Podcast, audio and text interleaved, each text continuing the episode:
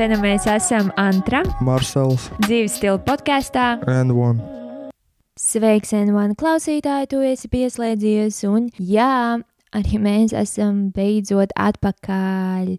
Podkāsts N1 ir kopā ar jums. Ja atzīstam, bijām paņēmuši trīs nedēļas atvaļinājumu, radošo pauzi, sauciet kā gribat, bet mēs esam atpakaļ un atsākam, kur mēs pabeidzam, kur mēs palikām, vai arī turpinām doties uz priekšu un tālāk. Šodien pie mums viesojas jauks cilvēks Artūrs Blūmbergs. Artūrs ir jauns, radošs, sportisks cilvēks. Viņš ir vaņots vidusskolas sporta skolotājs un futbola treneris. Noteikti vēl daudz eh, titulu mēs varētu iedot, bet iesākumā ar šo tad nu, vairāk jūs dzirdēsiet šajā epizodē. Man bija tā iespēja viesoties Vaņotas vidusskolā, kur mēs arī ierakstījām podkāstu epizodi. Bija lieliski redzēt uh, viņa darba vidi, kā viņš komunicē ar, ar saviem, ar saviem kolēģiem un darbiniekiem, kas ir apkārt skolai, jo varbūt tev kā skolēnam skola ir beigusies un pēdējais zvans ir noskanējis, un tu esi vasarā, tad eh, skolotājiem droši tas atvaļinājums iekavējas vai nedaudz vēl jāpastrādā, kad var doties atvaļinājumā. Bet jā, lieliski, lieliska saruna. Runāsim par viņa radošajām gaitām, par to, kāpēc futbols ir tik nozīmīgs viņa dzīvē, kur tas ir, kur tās saknes ir meklējamas, kā aizsākās viņa karjera, kā ir ienākt jaunam, jaunam arī gados cilvēkam skolas vidē, kurš jau ir kā pedagogs, skolotājs, kā ir iesākt, kā ir būt jauniņam. Es pieņemu, ka mums katram ir bijis tā reize, kad tev, kad tev pirmo reizi kaut kur ieeja, kad neviens tev īsti nezina, tad skatās, kāda tev sanāks vai nesanāks. Vai ne? Tad, jā, ļoti interesanti un um, jauki paklausīties. Tad uh, droši sauc kopā savējos un uh, dalies ar mūsu podkāstu. Tu vari noklausīties to Spotify, Apple vai jebkurā platformā. Noteikti novērtē, atstāj kādu ziņu. Un, ja tu zini, kādu, kas vēlētos atnākt uz mūsu podkāstu un būtu interesanti paklausīties, kas viņam sakāms, tad droši raksti mums e-pastā. Ar nosaukumu mums ir podkāsts.n1 viens at gmail.com, atkārtoju podkāsts.n1 viens at gmail, kā arī, ja vieglāk, Instagramā noteikti uzraksti mums vēstulīti, DM saucamo. Un uh, Instagramā mēs esam and1 viens podkāsts. Jā, tiekamies, tiekamies sarunās, tiekamies uh, sociālajos tīklos, bet tagad epizode kopā ar Artūru. Aiziet!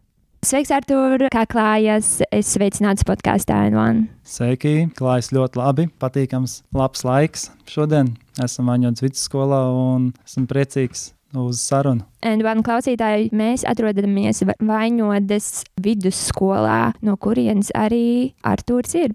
Jā, esmu oriģināli vaņotnieks, esmu dzimis audzis vaņodē, pats šeit mācījies, gājis skolā, vidusskolā un pēc augstskolas arī šeit strādāju.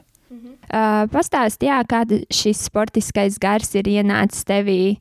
Šis sportiskais gars man ir pavisam noteikti no ģimenes, jo mans vectēvs, vectēvs Gunārs, ir bijis sporta organizators Vaņodas novadā, ir bijis futbola treneris, pats ir aktīvi spēlējis futbolu, tāpat arī mans onkulis Girts ir ar aktīvs sportists, mamma ar basketbolu gan vairāk, bet pašam, pašam ir sanācis arī skolas laikos spēlēt aktīvi handbolu un futbolu. Jā, handbols un futbols. Mēs aiz kadra runājām, kad ir ļoti jā, populārs un uh, labi zināms arī visur citur. Tad arī handbolu un futbolu tu nodarbojies. Var pastāstīt par to. kā jau daudz zina, Vaņoda ir populāra ar savām handbola tradīcijām un ir uh, diezgan tāds fenomens šeit Vaņodē. Mums no maza miesta ir uh, komanda, kas spēlē Latvijas augstākajā līgā. Tātad, jā, esmu aktīvi spēlējis uh, handbolu un paralēli arī futbolu. Un Vaņoda ir uh, izcens populāra ar savām handbola tradīcijām. Un ir mums šeit tāds fenomens, ka no mazas vietas ir komanda, pieaugušo komandu, kas spēlē Latvijas augstākajā līgā, kas ir diezgan, diezgan tāds labs sasniegums. Teikt. Jā, jaunās zvaigznes aug un viss notiek šeit pat vaņodē. Kā izskatījās tavs karjeras sākums?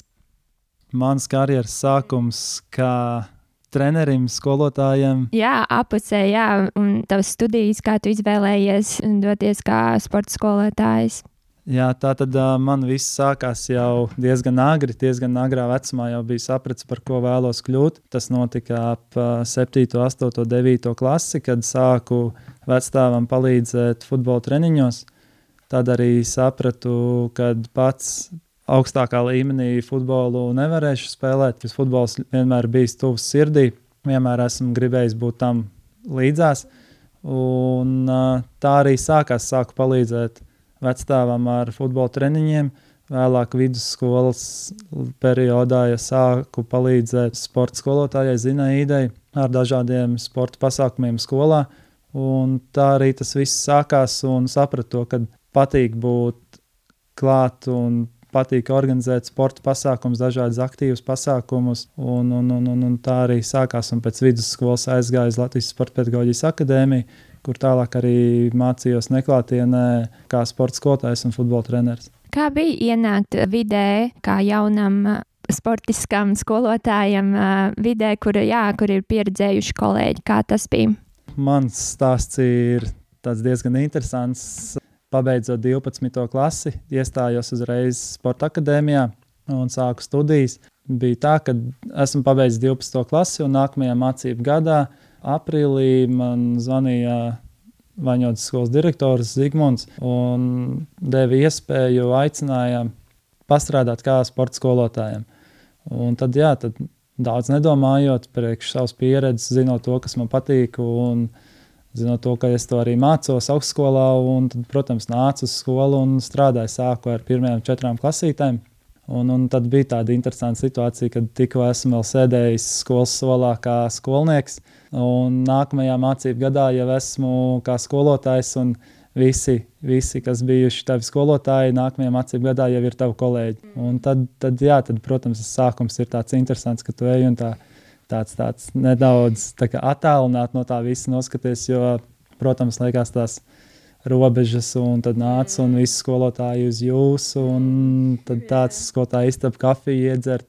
Arī bija tāds izaicinājums atnākt, un, un, un tā, kā tas sākums bija tāds interesants. Jā sākums noteikti. Nekur jau nav viegli. Tas sākumā ir jā, jāpierod, bet jā, nākot atkal, ja kā students, tagad tu esi skolotājs, var iedomāties. Kādi ir tie izaicinājumi, kuriem tev nācās saskarties? Tas pirmais jāpārkāpt, ka tu esi skolotājs, ka tu esi kolēģis. Varbūt vēl kaut kas. Tālāk jau nākamie izaicinājumi, kas bija jau tie jau vairāk kā skolotāja darbā, kā jaunam skolotājam, saprast un pielāgoties visām lietām, kas ir plānošanas procesi, papīra lietas, paralēli sākt arī strādāt un sasniegt izvirzītos mērķus. Un, un tie, es domāju, tādi galvenie izaicinājumi, tas ir kas sākumā, lai saprastu vispār, kā tas viss process tiek organizēts un kā tas viss notiek. Kā tu strādā ar jauniešiem, skolēniem? Vai tu esi mentors, vai tu esi skolotājs vai draugs?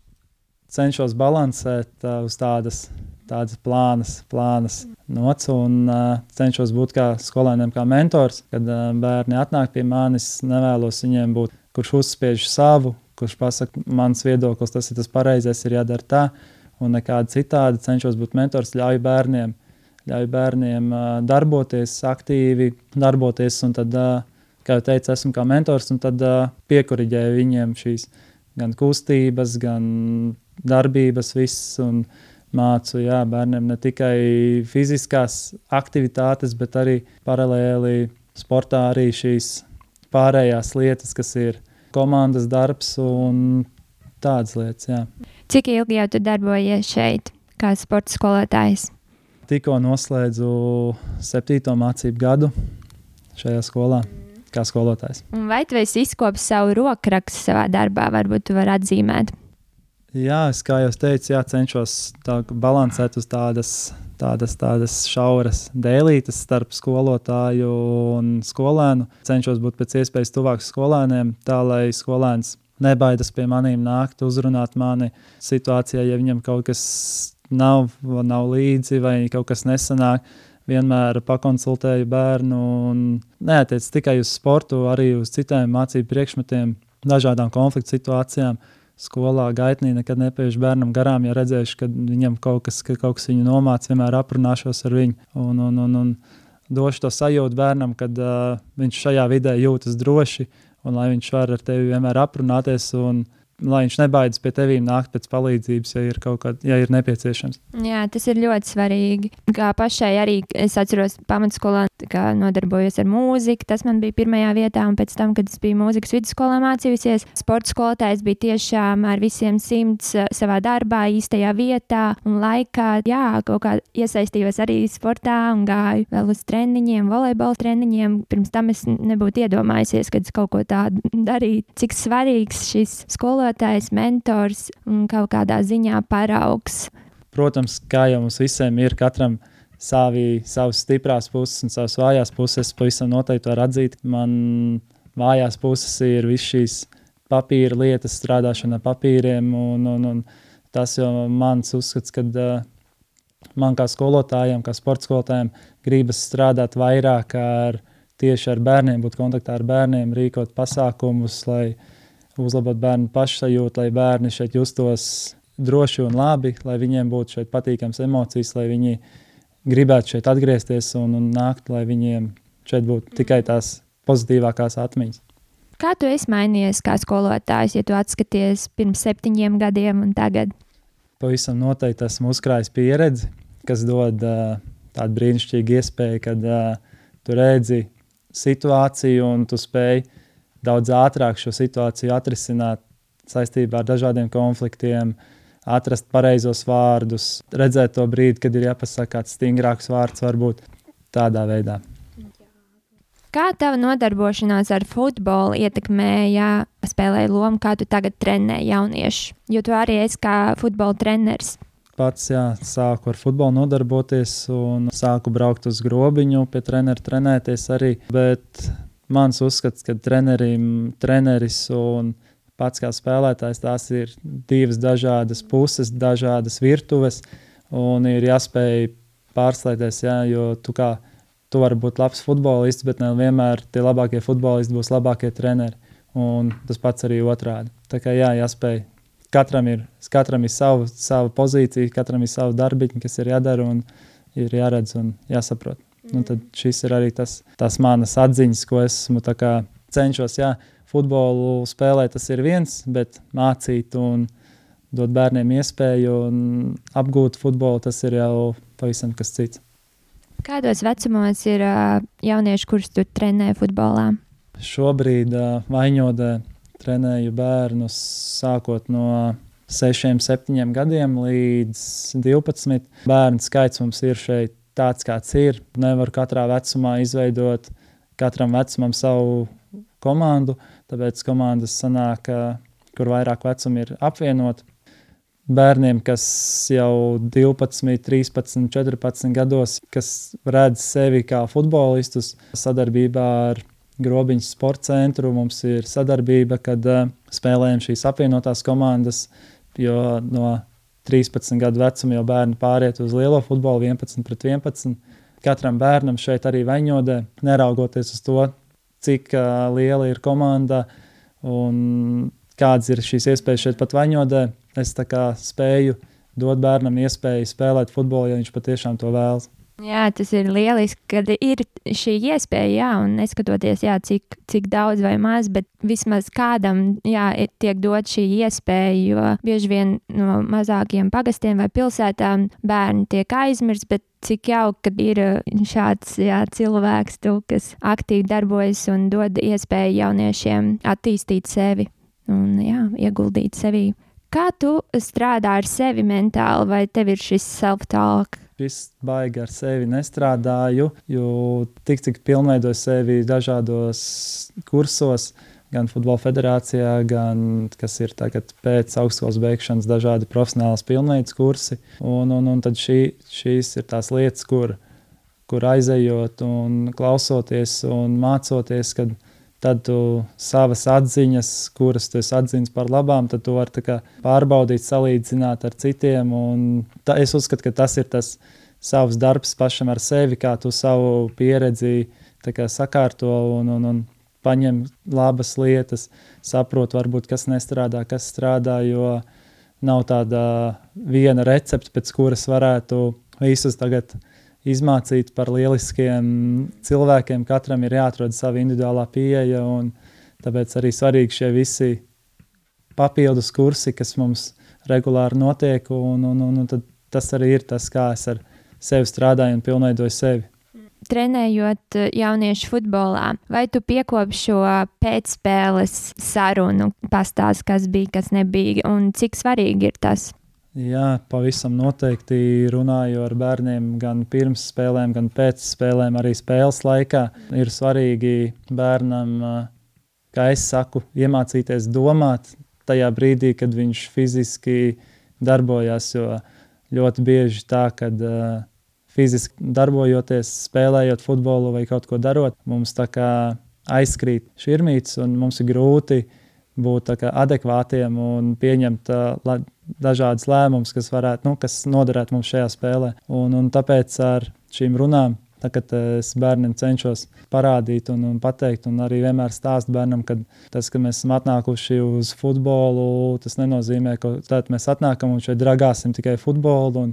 Vienīgais, ko domājam, kā aizspērt bumbu pēc iespējas tālāk uz priekšu, uz pretinieku vārtiem, bet kā mēs šo spēli varam padarīt profesionālāku, kā atrast to veidu, kā iesist vārtus, kā pārvie, kur pārvietoties laukumā, kur skriet, kur dot piespēli, kāpēc skriet tur, kāpēc dot piespēli zonā vai kur atvērties. Un šīs dažādas nianses, kas ir tieši saistītas ar futbolu, un par šīm visām lietām ir noteikti jārunā. Tās ir lietas, ko viens ir mācīt ar dažādu uzdevumu palīdzību, bet otrs ir, ka tev bērnam ļoti bieži ir arī jāpasaka, ka priekšā jāpalīdz bērnam saprast šīs lietas. Kā piesaistīt jauniešu nodarboties ar sportu? Kā tev ir izdevies? Manuprāt, svarīgi ir veidot treniņus tādus un arī sporta stundas tādas, lai bērniem ir prieks un ir jautri. Lai, lai tā, kad bērns atnāk pie tevis un viņam katrs treniņš ir kā kaut kas jauns, kad viņš iemācās kaut ko jaunu, jaunas lietas apgūst, un tas veids, kādā viņš to dara, kad arī tas ir citreiz caur spēlēm, citreiz caur vingrinājumiem, tad uh, darbs pāros un dažādi, lai pēc iespējas šis viss treniņu process un sporta stundas process ir daudzveidīgāks, lai nav tāds vienāds monotons kustības visu laiku, un ka bērns atnāk un viņš jau zina, ka tagad būs tā, tad būs to darīsim. Nu, tā, lai ir šī daudzveidība un lai ir spēles un ir interesanti un lai ir patīkamās emocijas. Tu nesēdi rokas klēpī salīdz, kur tu esi iemācījies šo darba ētiku? darba ētiku pavisam noteikti esmu apguvis Sporta akadēmijā, Futbola federācijā, kad ir šie kopējie pasākumi un mācības un kursi. Kad tu redzi tiešām pieredzējušus skolotājus, trenerus, kā viņi ikdienā, ikdienā runā un ikdienā dara savas lietas, ir iespējas, ka tu redzi un tu salīdzini un saproti, ka, mm, jā, kad, nu, šīs ir tās lietas, kurām jāpievērš uzmanība. Katra šie sīkumi, akcenti, uz kuriem tu koncentrējies, tie ir tie, tie svarīgākie, kas dod to kopējo rezultātu. Jā, vai tev patīk azarts, šis spēles azarts, vai tu to piekopi ikdienā? Jā, noteikti, jo sports jau pats par sevi ir sacensība, sacensība pašam ar sevi, sacensība ar citiem. Un tad arī sporta stundās un treniņos piekopju, kad bērniem dod iespēju sacensties, jo nu, bērniem tad ir tas emocionālais pacēlums, kad viņš citreiz uzvar, citreiz zaud. Protams, uzvarēt visiem patīk, zaudēt uh, ne tik ļoti. Tad jāatrod arī veids, kā bērnam, varbūt arī pēc kādas smagākas zaudas, bērnam ir jāpiet un jāpaskaidro, ka, nu, varbūt, ja tu būtu darījis savādāk, bet, nu, dot to iespēju parunāties, pastāstīt bērnam, kā viņš varēja panākt, lai tas rezultāts būtu viņam labvēlīgs, lai viņš varētu uzvarēt. Un, lai galvenais, lai nav tā, ka pēc katra zaudējuma ka bērns ir sagrauts un nevar vairs, ka viņam motivācijas vairs nav to darīt, bet nu, kad viņš nāk un dara, un kad viņš ar savu centību, slīpējot savu talantu, attīstās, un tad jau līdz, nonāk līdz savām lielajām uzvarām. Tu esi skolotājs, un tagad ir sākusies uh, vasara, un varētu padomāt, ka tev ir tāds grafiks arī kā skolēniem uh, strādājam, kad ir, un tad uh, vasaras sezona, jūnijas, jūlijas un augusts nedaudz arī ir brīvs, tad uh, tev tā nav, kā izskatās, ar ko tu tagad nodarbojies. Jā, man ir, esmu priecīgs, kad esmu futbolā, kad man ir šis futbols un kad uh, vasaras sezona ir karstākā, karstākā sezona priekš futbola, kad notiek visas šīs sacensības. Nav iespējas sēdēt mājās, vienkārši atpūsties, jo, jo kā es ar daudziem esmu arī draugiem runājis, futbols man un bērnu trenēšana futbolā tas man nav kā darbs, kad es no rīta ceļos, jāiet uz darbu, jāstrādā. Tā, tas ir man tā kā hobija līmenī, pa kuru es saņemu atalgojumu un, un, un es gūstu prieku no tā. Tas ir pavisam savādāk. Tu ej uz treniņu ar prieku, tu brauc, darbojies. Ja tu redzi izaugsmu, ja tu redzi, ka bērns to novērtē, nāk un dara, tad jau viss tā ir tā, tā mana motivācija to visu darīt. Un, jā, tā kā nav tā, jā, kā varbūt Citiem liekas, varbūt, ka skolotājs nostrādā savus mēnešus, un tad visu vasaru iet lielajās brīvdienās, un var gulēt pludmalē, sauļoties un darboties pa dārzu. Yeah. Man tā pavisam noteikti nav, jo visu vasaru paiet uh, futbola, futbola noskaņā. Tas ir tevī šis jā, darba spēks. Bet ir šie brīvie brīži dažkārt. Kas tev patīk, ko tu dari brīvajā laikā? Brīvajā laikā, kad sākās visa lielā pandēmija, pagājušajā gadā pievērsos, tad, tad bija gribot, negribot, bija daudz, daudz brīvais laiks, jo treniņi nebija iespēja trenēties ne bērniem, ne sev. Skolas bija attālināti un bija daudz brīva laika, sacensības nenotika. Un tad ar draugiem, draugi jau man ir tādi, tādi, tādi aktīvāki makšķernieki, un tad arī pievērsos makšķerēšanai vairāk arī pats. Un, un, un, un, un jā, tad ties brīvajos laikos, jā, kas varētu teikt, ka, nu, kas ir mans, ir tagad jau makšķerēšana un vēl paralēli darbam skolā un kā trenerim arī mums ir tāda draugu grupiņa, kas arī, kur ir visi vaņotnieki, sauc, saucamies pēdu deldētāji, kas rīkojam dažādus pārgājienus, nu jau teikšu, Dienvidu kurzemes novadā, jā, un tad pa dienvidu kurzemī dažādi pārgājieni un pašējiem pārgājienos, un, un, un, un tā kā arī saistīts ar sportu un aktīva atpūta, un tas bija tāds vairāk brīvā laika arī pavadīšana. Uz ko tu tagad fokusējies, kādi ir tie tuvākie projekti vai aktivitātes? Šobrīd, šobrīd nekādi projekti un aktivitātes liels nav, nav plānā. Tā, tikko esmu pabeidzis arī ar saviem devītajiem. Biju klases audzinātājs, pabeidzām devīto klasi. Tas man bija tāds liels, liels izaicinājums. Tā bija arī. pirmā klase vai jau?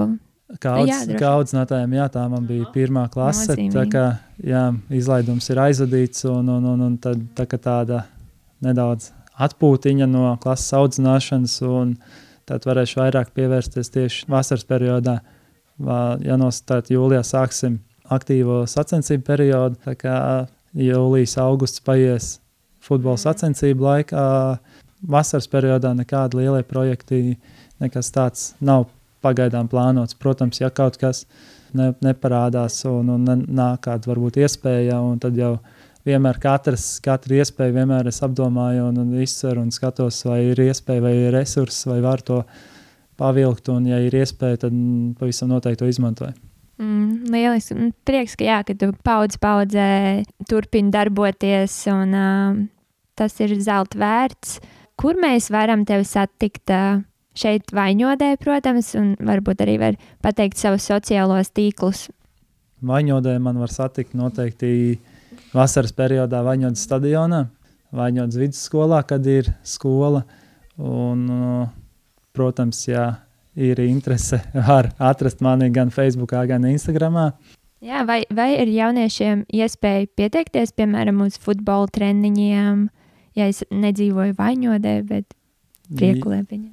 Jā, pavisam noteikti, jo mēs visi esam gan grobiņā, aizputē, vaņodē, priekulē, visu dienvidu kurzemes novads. Mēs visi esam zem vienas sporta skolas.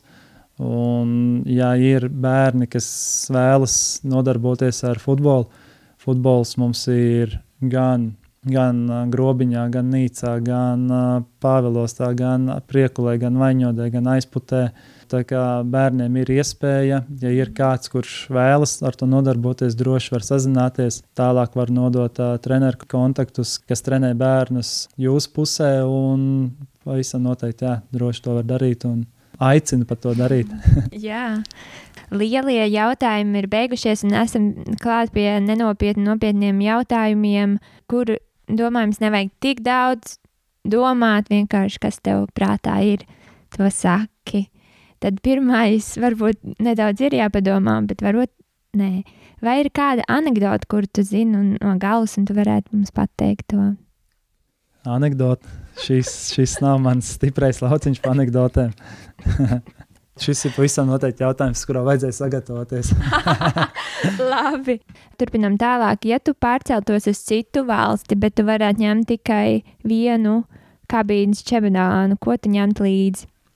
Noteikti, noteikti, noteikti higiēnas lietas, sporta tērps, apavī, buči un, un, un ikdienas drēbes, un tad jau pārējais jau, pārējie jau viss piemeklēt, ko vajadzētu. Pavisam vienkārši. Ja dzīvnieki mācētu runāt, kurš dzīvnieks būtu viskaitinošākais? Mm, labs jautājums. Droši vien, kad uh, vista. Spēlēt pašam futbolu vai mācīt citiem?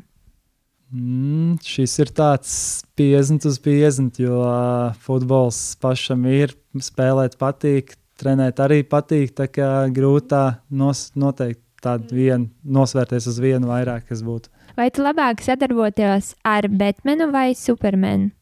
Labā roka. Mm, Superman droši vien.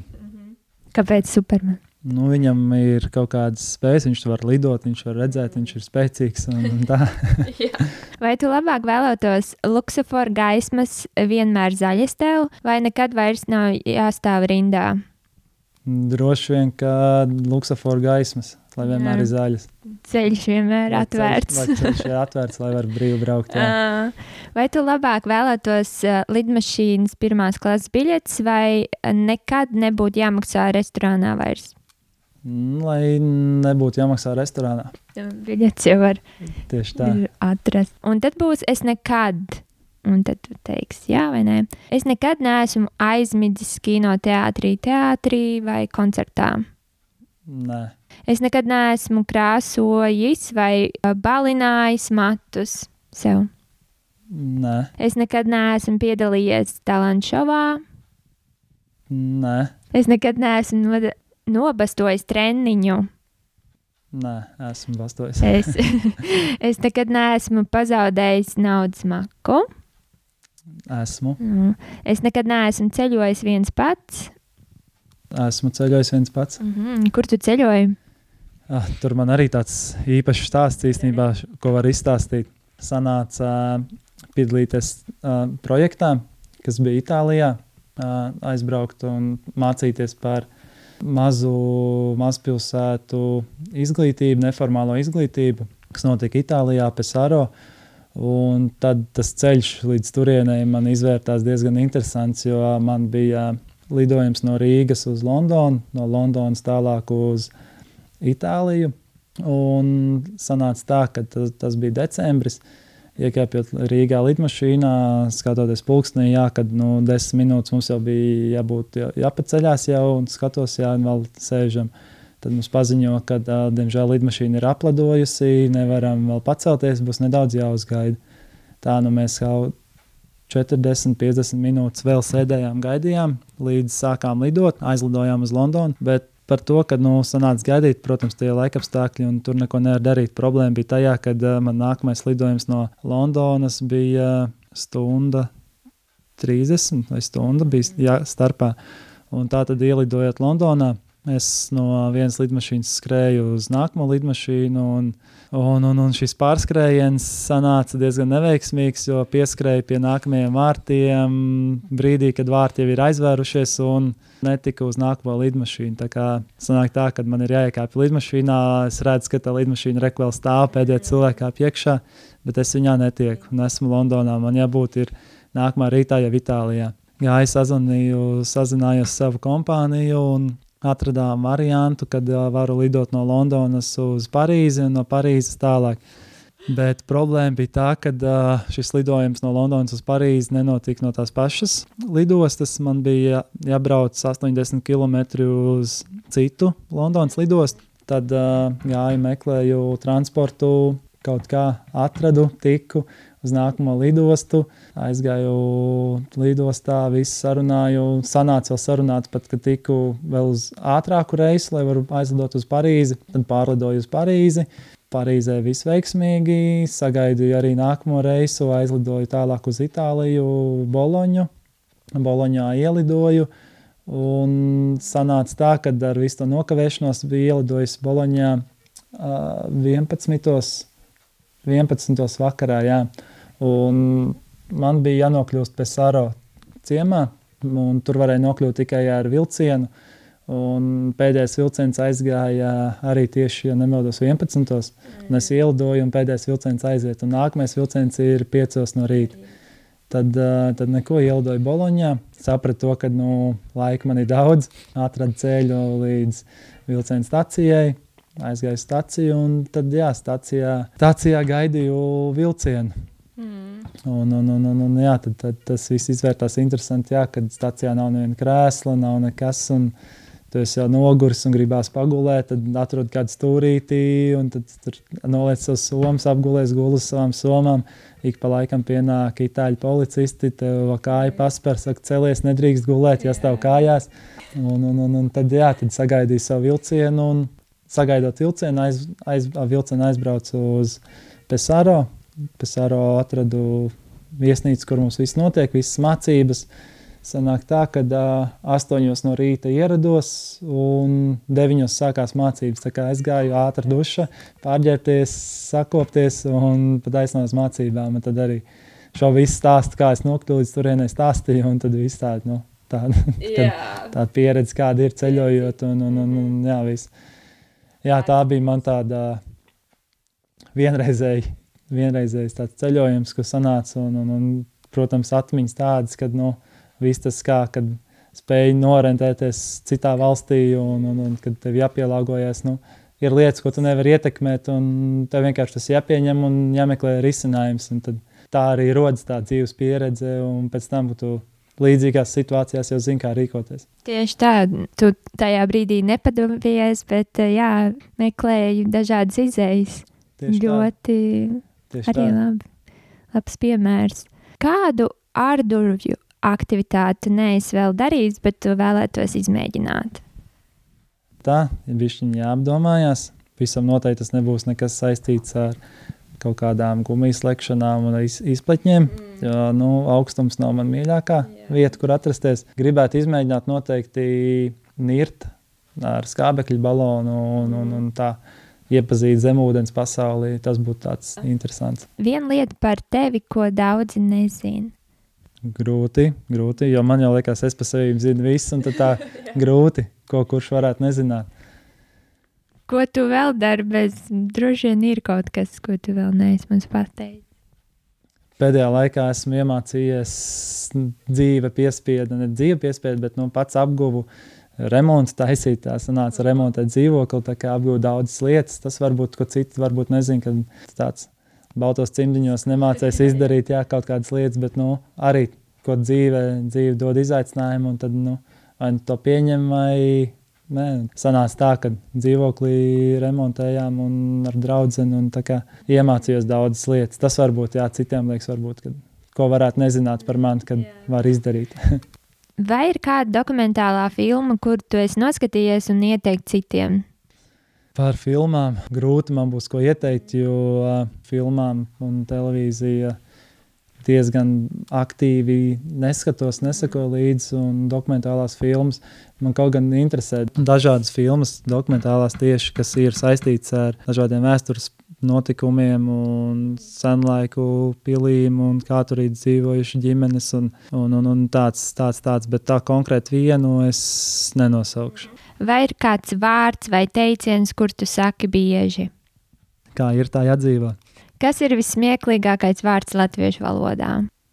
Katru gadu jau ir kāds smieklīgais vārds. Tas šogad bija tā, tā, tā. Elektro, ne, drons, drons, drons, lidošana ar dronu. Kā bija? Aizmirst tagad. Nu, es Dronēšana vai ne? Ah, okay. Kaut- Kaut, kāds jaunvārds? Jaunvārds, jā, kad lidot ar dronu, un tad bija tāds, tāds smieklīgs un tāds divdomīgs tas vārds. Okay. okay.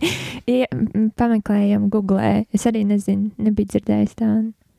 Kura futbola komanda tev ir favorīta komanda? Favorīta komanda man būs Barcelona. Cilvēki būtu pārsteigti, ja zinātu, ka tu Kā es remontēju savu mašīnu, cenšos remontēt pēc iespējas vairāk pats. vai tev patīk gatavot. jā, ļoti patīk gatavot. Kas ir tavs, tavs firmas ēdiens, varbūt? makaroni ar boloņas mērci. Tas ir tāds, tāds ātrais, ikdienišķais, kurš nekad nepieviļ. To tu iemācījies, ka tu biji Itālijā. Uh, Nē, Itālijā kaut gan sanāca, jā, daudzas dažādas pastas visādos veidos, bet uh, nē, tas ir paši apgūts šeit pat. Foršākā vieta vaņodē, ko apskatīt. Mums ir daudz foršas vietas, bet nu, viena no, kas varētu būt, ir droši vien Volsbachs, Volsbachs kalns. Tīpaši ziemas periodā, ja ir spēcīga ziema, ja ir sniegs, tad pavisam noteikti, ja ir pacēlājs, kad var šeit atbraukt un, un izbaudīt ziemas priekus, nemaksājot neko. Ir pacēlājs, var nošļūgt, var tikt apakaļ kalnā, nerāpjoties, bet uzbraucot apakaļ. Un, un, un tā, es domāju, ir viena tāda laba vieta. Un Jā. vēl otrs, ieteiktu Lielbāts avots, kas ir ļoti sakopts un var brīvi piekļūt un Var dabūt arī avot ūdeni. var dabūt arī avot ūdeni. Jā. Asaru gāzi liek cilvēkiem raudāt, smieklu gāzi, smieties, kādu vēl gāzi varētu ieviest. Kādu vēl gāzi, kaut kādu miera gāzi, kad cilvēki ir tādi ļoti bieži tādi varēja novērot uz skolas beigām, ka skolotāji ir uzvilkti un, un, un tādā savā veidā panikās, kad skrien un nezina, kas, kā, ko, kas, kas stresā, jā, ka cilvēks paliek tāds neadekvāts savā veidā. Un, un tad es uzskatu, jā, vajadzētu tādu miera gāzi, kad palaiž un tad cilvēki tā atslābinās un paliek mierā. Kas vienmēr tev var iepriecināt? Dāvanas. Hei, bērnībā es domāju, ka Bērnībā es domāju, kā es, kad izaugšu liels, kļūšu par zooloģiskā dārza apsaimniekotāju, apkopēju, es nezinu, kā nosaukt par cilvēku, kurš kopīja zooloģiskā dārza dzīvniekus. kā tā, tev patīk dzīvnieki? Kaut kā jā, tas man no bērnu dārza laikiem bija tā, ka likās, ka, nu, kad savā dzīvē es būšu tas, kurš gribēs ar dzīvniekiem. Un, un, un tas bija bērnu dārza laikos, jā, sākuma skolā, bet tas laiks kaut kā iet un Tas domas mainas. Protams. Vai ir kāds ir kaut ko no tevis paņēmis, bet nav atdevis atpakaļ? Tad tagad tu vari. Droši vien jau, kad ir kāds kaut ko aizmirsis, sadot tāpat kā es, es droši vien no kāda kaut ko aizņēmies un neesmu vēl atdevis. Un, un, un tas nav tā, ka es tādu atgādināšu kādam, aiziet, tev jānes atpakaļ. Jā.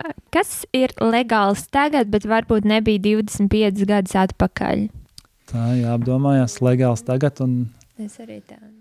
nepateikšu, kas nebija legāls 25 gadus atpakaļ, bet kas varēja būt nelegāls. Varbūt vēl senāk, kad vēl nedzīvojām brīvā Latvijā, dažādas šīs interneta adreses un, un, un filmas un lasām vielas, ko parunājot ar kolēģiem skolā arī, kad mm, ļoti bieži, kad, nu, kad stāstā ir tāpat arī vecākai stāstījuši, ka daudzas lietas, kas bija vienkārši aizliegts, aizliegtā literatūra, filmas, nedrīkstēja skatīties tādas šīs lietas. Kas tagad liekas paši par sevi saprotams. Jā. Jā. Un tad viens pēdējais jautājums. Kas tavuprāt ir dzīves stils? manuprāt, tas ir tas, kā tu pavadi savu ikdienu, kā tu runā ar cilvēkiem, kāds tu esi pret cilvēkiem un kā tu izturies pret cilvēkiem. Un tas arī, man liekas, arī ir tas dzīves stils, kāds mums katram ir. Lieliski. Varbūt tev ir kāds novēlējums mūsu podkāstu N1 klausītājiem. Novēlu visiem novēlu visiem izturību šajā pandēmijas laikā. Ļoti liels prieks, kad uh, visi skaitļi samazinās, kad lēnām uzvaram, uzvaram pandēmiju. Cerams, ka pavisam drīz jau varēsim visi atgriezties gan teātros, gan dažādos publiskos pasākumos. Un ļoti ceru, ka uh, cilvēki nebaidās un aktīvi ir atsaucīgi un nāk un piedalās podkāstā un cenšas un izmanto šo iespēju aprunāties, lai pastāstītu par sevi, par savu dzīvi, par savu pieredzi. Jā, paldies tev, paldies, ka tu padalījies par savu pieredzi, atvēri durvis uz uh, nedaudz uz uh, tavu pasauli. Lieliski, turpini būt tikpat aktīvs un uh, palīdzēt jauniešiem, jā, atrast viņu ceļus. Mm, liels, liels paldies! Jā, paldies, paldies par podkāstu! Paldies! Tad, uh, jā, tiekamies sarunās, podkāstā N1 un tiekamies ielās un pasākumos šeit, Vaņodē. Jā, labi, paldies! Atā. Atā. Nu, tā nu mēs esam pietuvušies šīs epizodes izskaņai. Lielas jums paldies par pieslēgšanos un, protams, arī klausīšanos. Mēs ceram, ka jums patika. Turpiniet klausīties arī turpmāk mūsu podkāstu And One. Lūdzam, lejuplādēt, novērtēt epizodi Spotify, Apple vai jebkurā citā platformā, kur jūs dzirdat podkāstu And One. Protams, sekojiet mums arī sociālajos tīklos, kā Instagram un Twitter ar nosaukumu And One viens podkāsts. Sūtiet mums ziņas, jautājumus un ieteikumus uz e-pasta podkāstu.and1 at gmail.com. Ja tu vēlies atnākt uz mūsu podkāstu, vai arī tu zini kādu, kas vēlētos te būt, tad droši sūtiet mums ieteikumus, un mēs ar tevi sazināsimies. Paldies! Tie esam mēs podkāstā N1, Antra un Maršals. mēs izraksimies! Tā.